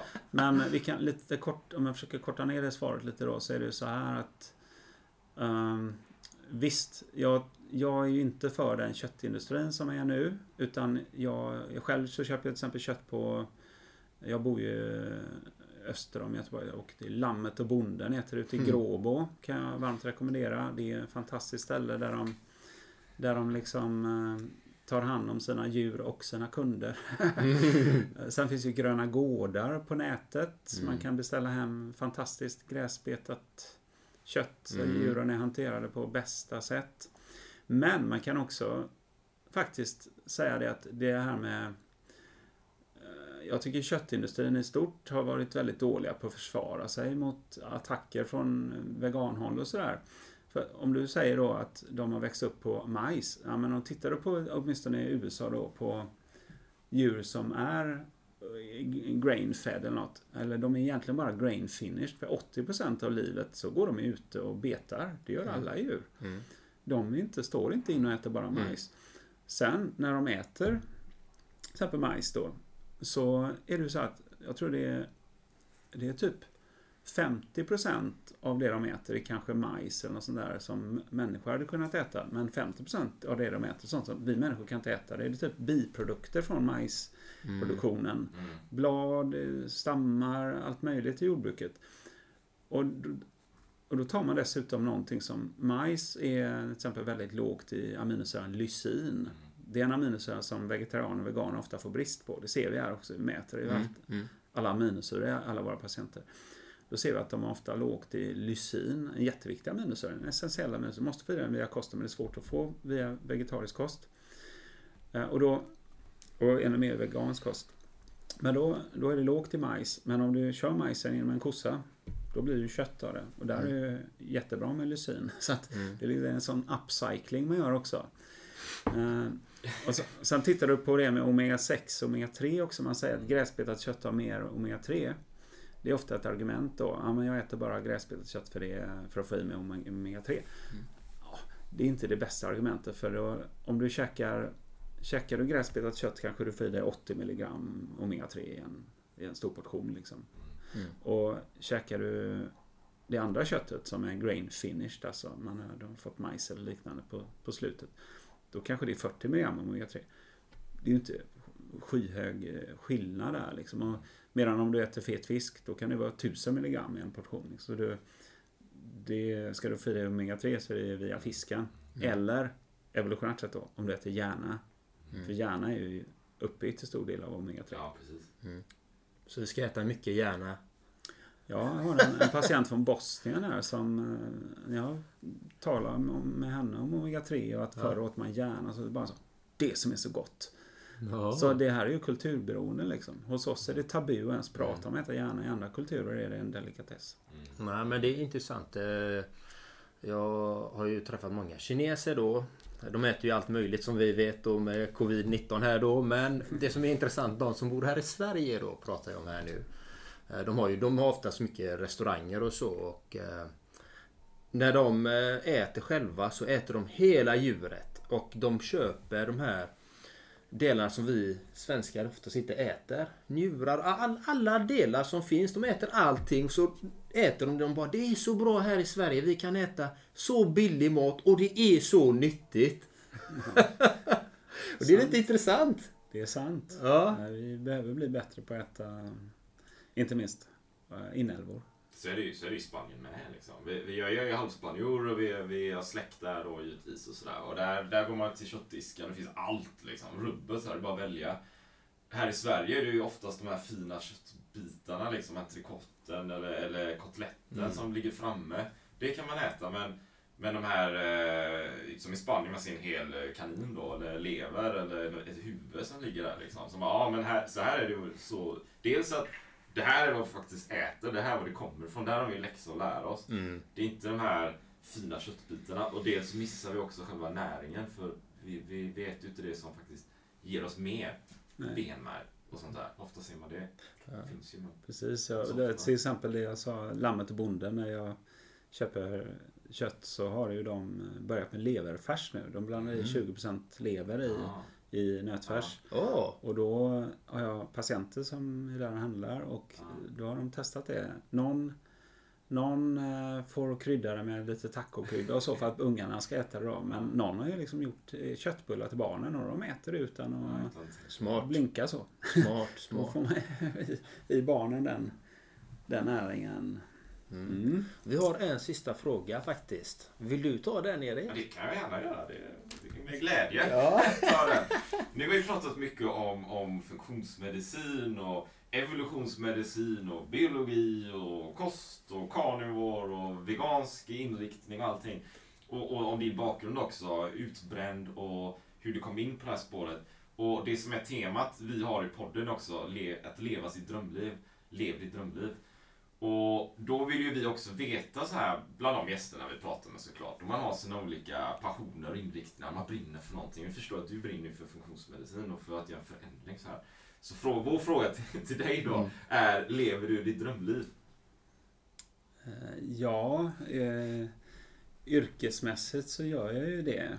Och det konstaterar min brorsa redan för flera år sedan. Liksom, Oj, nu har du hittat någonting som du kommer hålla på med resten av livet. Då. Så på det sättet att jag, menar, jag, kan, jag brukar säga att på fredag är jag trött, på lördag vilar jag, på söndag längtar jag tills det blir måndag. Så det är ju ett drömliv faktiskt eh, på det sättet. Sen kan man ju säga att det, den stora utmaningen är ju att man, man om man har en passion och man en, ett driv att förändra så kan man vara lite otålig man har en tendens att tacka ja till alla möjliga saker. Eh, nu är jag rätt bra på att tacka nej. Jag tackar nej till jättemycket saker. Men eh, det blir ändå så att man blir involverad i väldigt många olika processer. Eh, så att utmaningen är ju en, helt enkelt stress och för mycket arbetsbörda. Eh,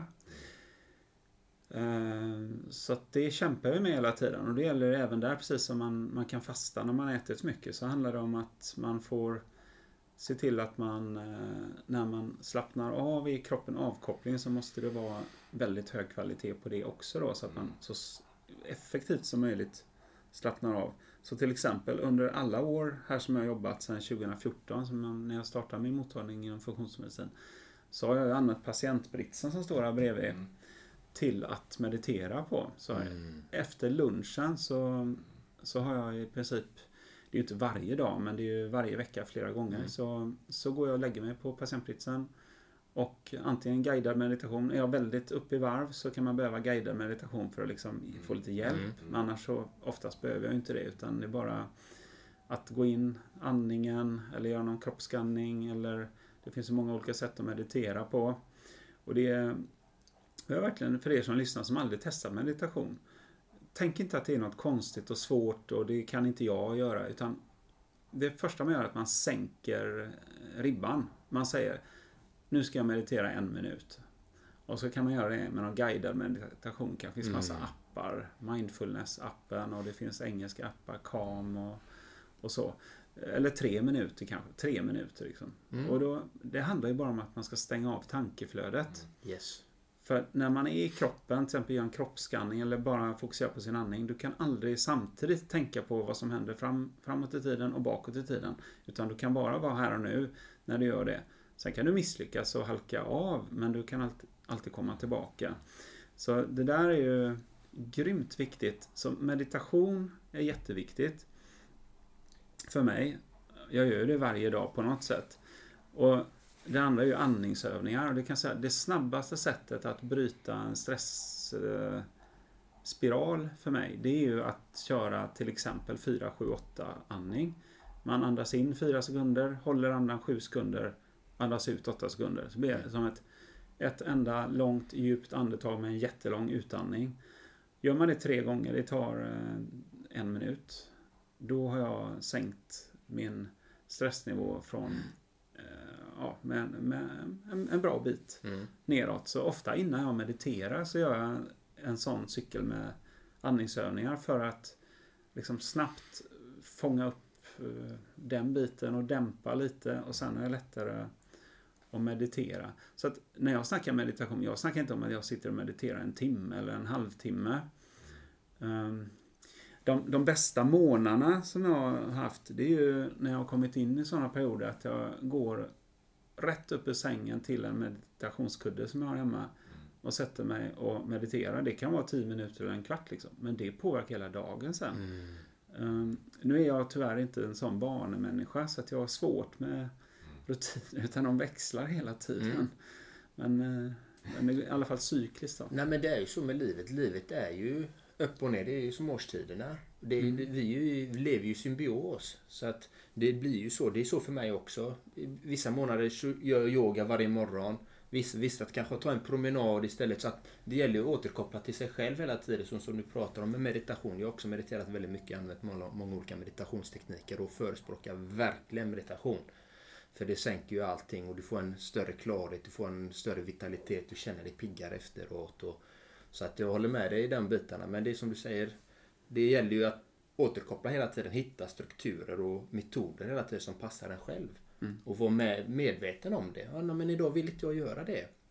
Idag vill jag göra det, då gör man det. Och inte sätta, som du säger, sänka ribban. Bättre att ha gjort de sakerna man vill göra. Så att eh, det är fint att höra att du eh, mediterar. Jag brinner också för det, jag brinner för det ämnet själv. Liksom. Jag älskar det. det. Det är en inre utveckling liksom, i sig själv. Och det var en av delarna till min eh, personliga utveckling och mitt komma ur eh, depressioner och självmordstankar och you name it. Liksom, alla de här bitarna också. Förutom kosten och träningen. Så att eh, människan är ju en helhet. Mm. Så ser jag det som. Ja. Ja, men det är, det är otroligt kraftfullt. En annan grej är om, om ni lyssnar nu och inte har kommit igång med träning eller liksom nosar på det. Det är kanske därför ni lyssnar på podden. då, då är det liksom det här att man inte också sänk ribban. Gå till, om ni har skaffat ett gymkort, det är jättebra. Har man fyllt 40 så tycker jag styrketräning är ju grymt bra att bygga muskler, alltså träna ganska tungt i alla fall efter ett tag när man har kommit igång med det. Men det behöver inte lägga så mycket tid på, på det egentligen om man inte har speciella mål då. Men som, som jag vill bara hålla igång kroppen och känna mig liksom stark och, och smidig. Så jag går ofta till gymmet. Jag går bara där 20 minuter. Ibland 30 minuter. Men det är det är det vanliga. Så kanske jag är där någon timme ibland. Men var någon som sa, är du på gymmet mer än en halvtimme så är du där för att skaffa kompisar.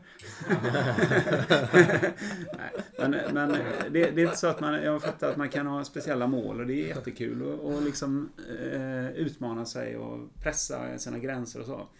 Men du måste ju inte göra det. Du kan ju gå till gymmet 20 minuter Mm. och hålla igång din kropp på ett fantastiskt sätt. Mm. Ja, Jag tror vi har mer ämnen Ja, för det har fler vi. podcast. det har redan gått en och en halv timme. Vi skulle Oj. göra en timma. Ja, det händer grejer här. Så vi får av, avrunda då. Så Ja. får vi tacka för oss Mm. och för att du ville vara med i podden Peter. Fantastiskt. Riktigt gott om värde. Och jag tror alla lyssnare där ute givetvis är ni intresserade av FunMed och vad ni gör här så det är bara att kontakta Peter direkt eller Mm. oss och genom oss till Peter. Så Ja. Eller höra av sig till Jan Andreas eller mig då för frågor och kommentarer och liknande. Ja, Så det var kan- fantastiskt kul att träffa dig. Ja, nej, men det var superkul att snacka med er. Vi tillhör ju lite samma tribe. eh, Ja. Och jag, vi måste hjälpas åt allihopa, vi tre och alla som lyssnar också, att försöka sprida de här sakerna i samhället. För det, det är otroligt kraftfullt det vi pratar om, de här livsstilsförändringarna. Och det, de flesta har inte förstått det. Nej. Och eh, ett problem är att läkarvetenskapen absolut inte har förstått det.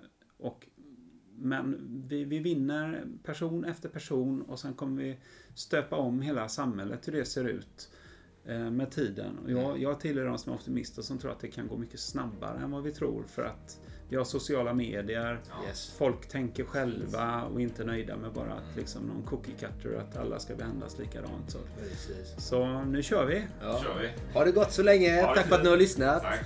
hej. hej. Hej!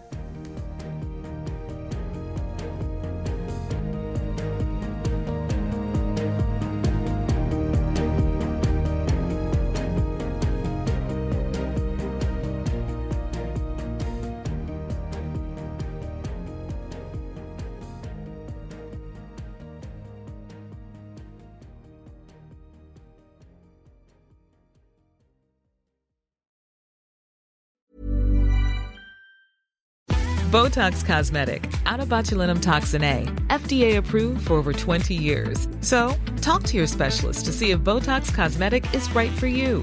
For full prescribing information, including boxed warning, visit BotoxCosmetic.com or call 877-351-0300. Remember to ask for Botox Cosmetic by name. To see for yourself and learn more, visit BotoxCosmetic.com. That's BotoxCosmetic.com.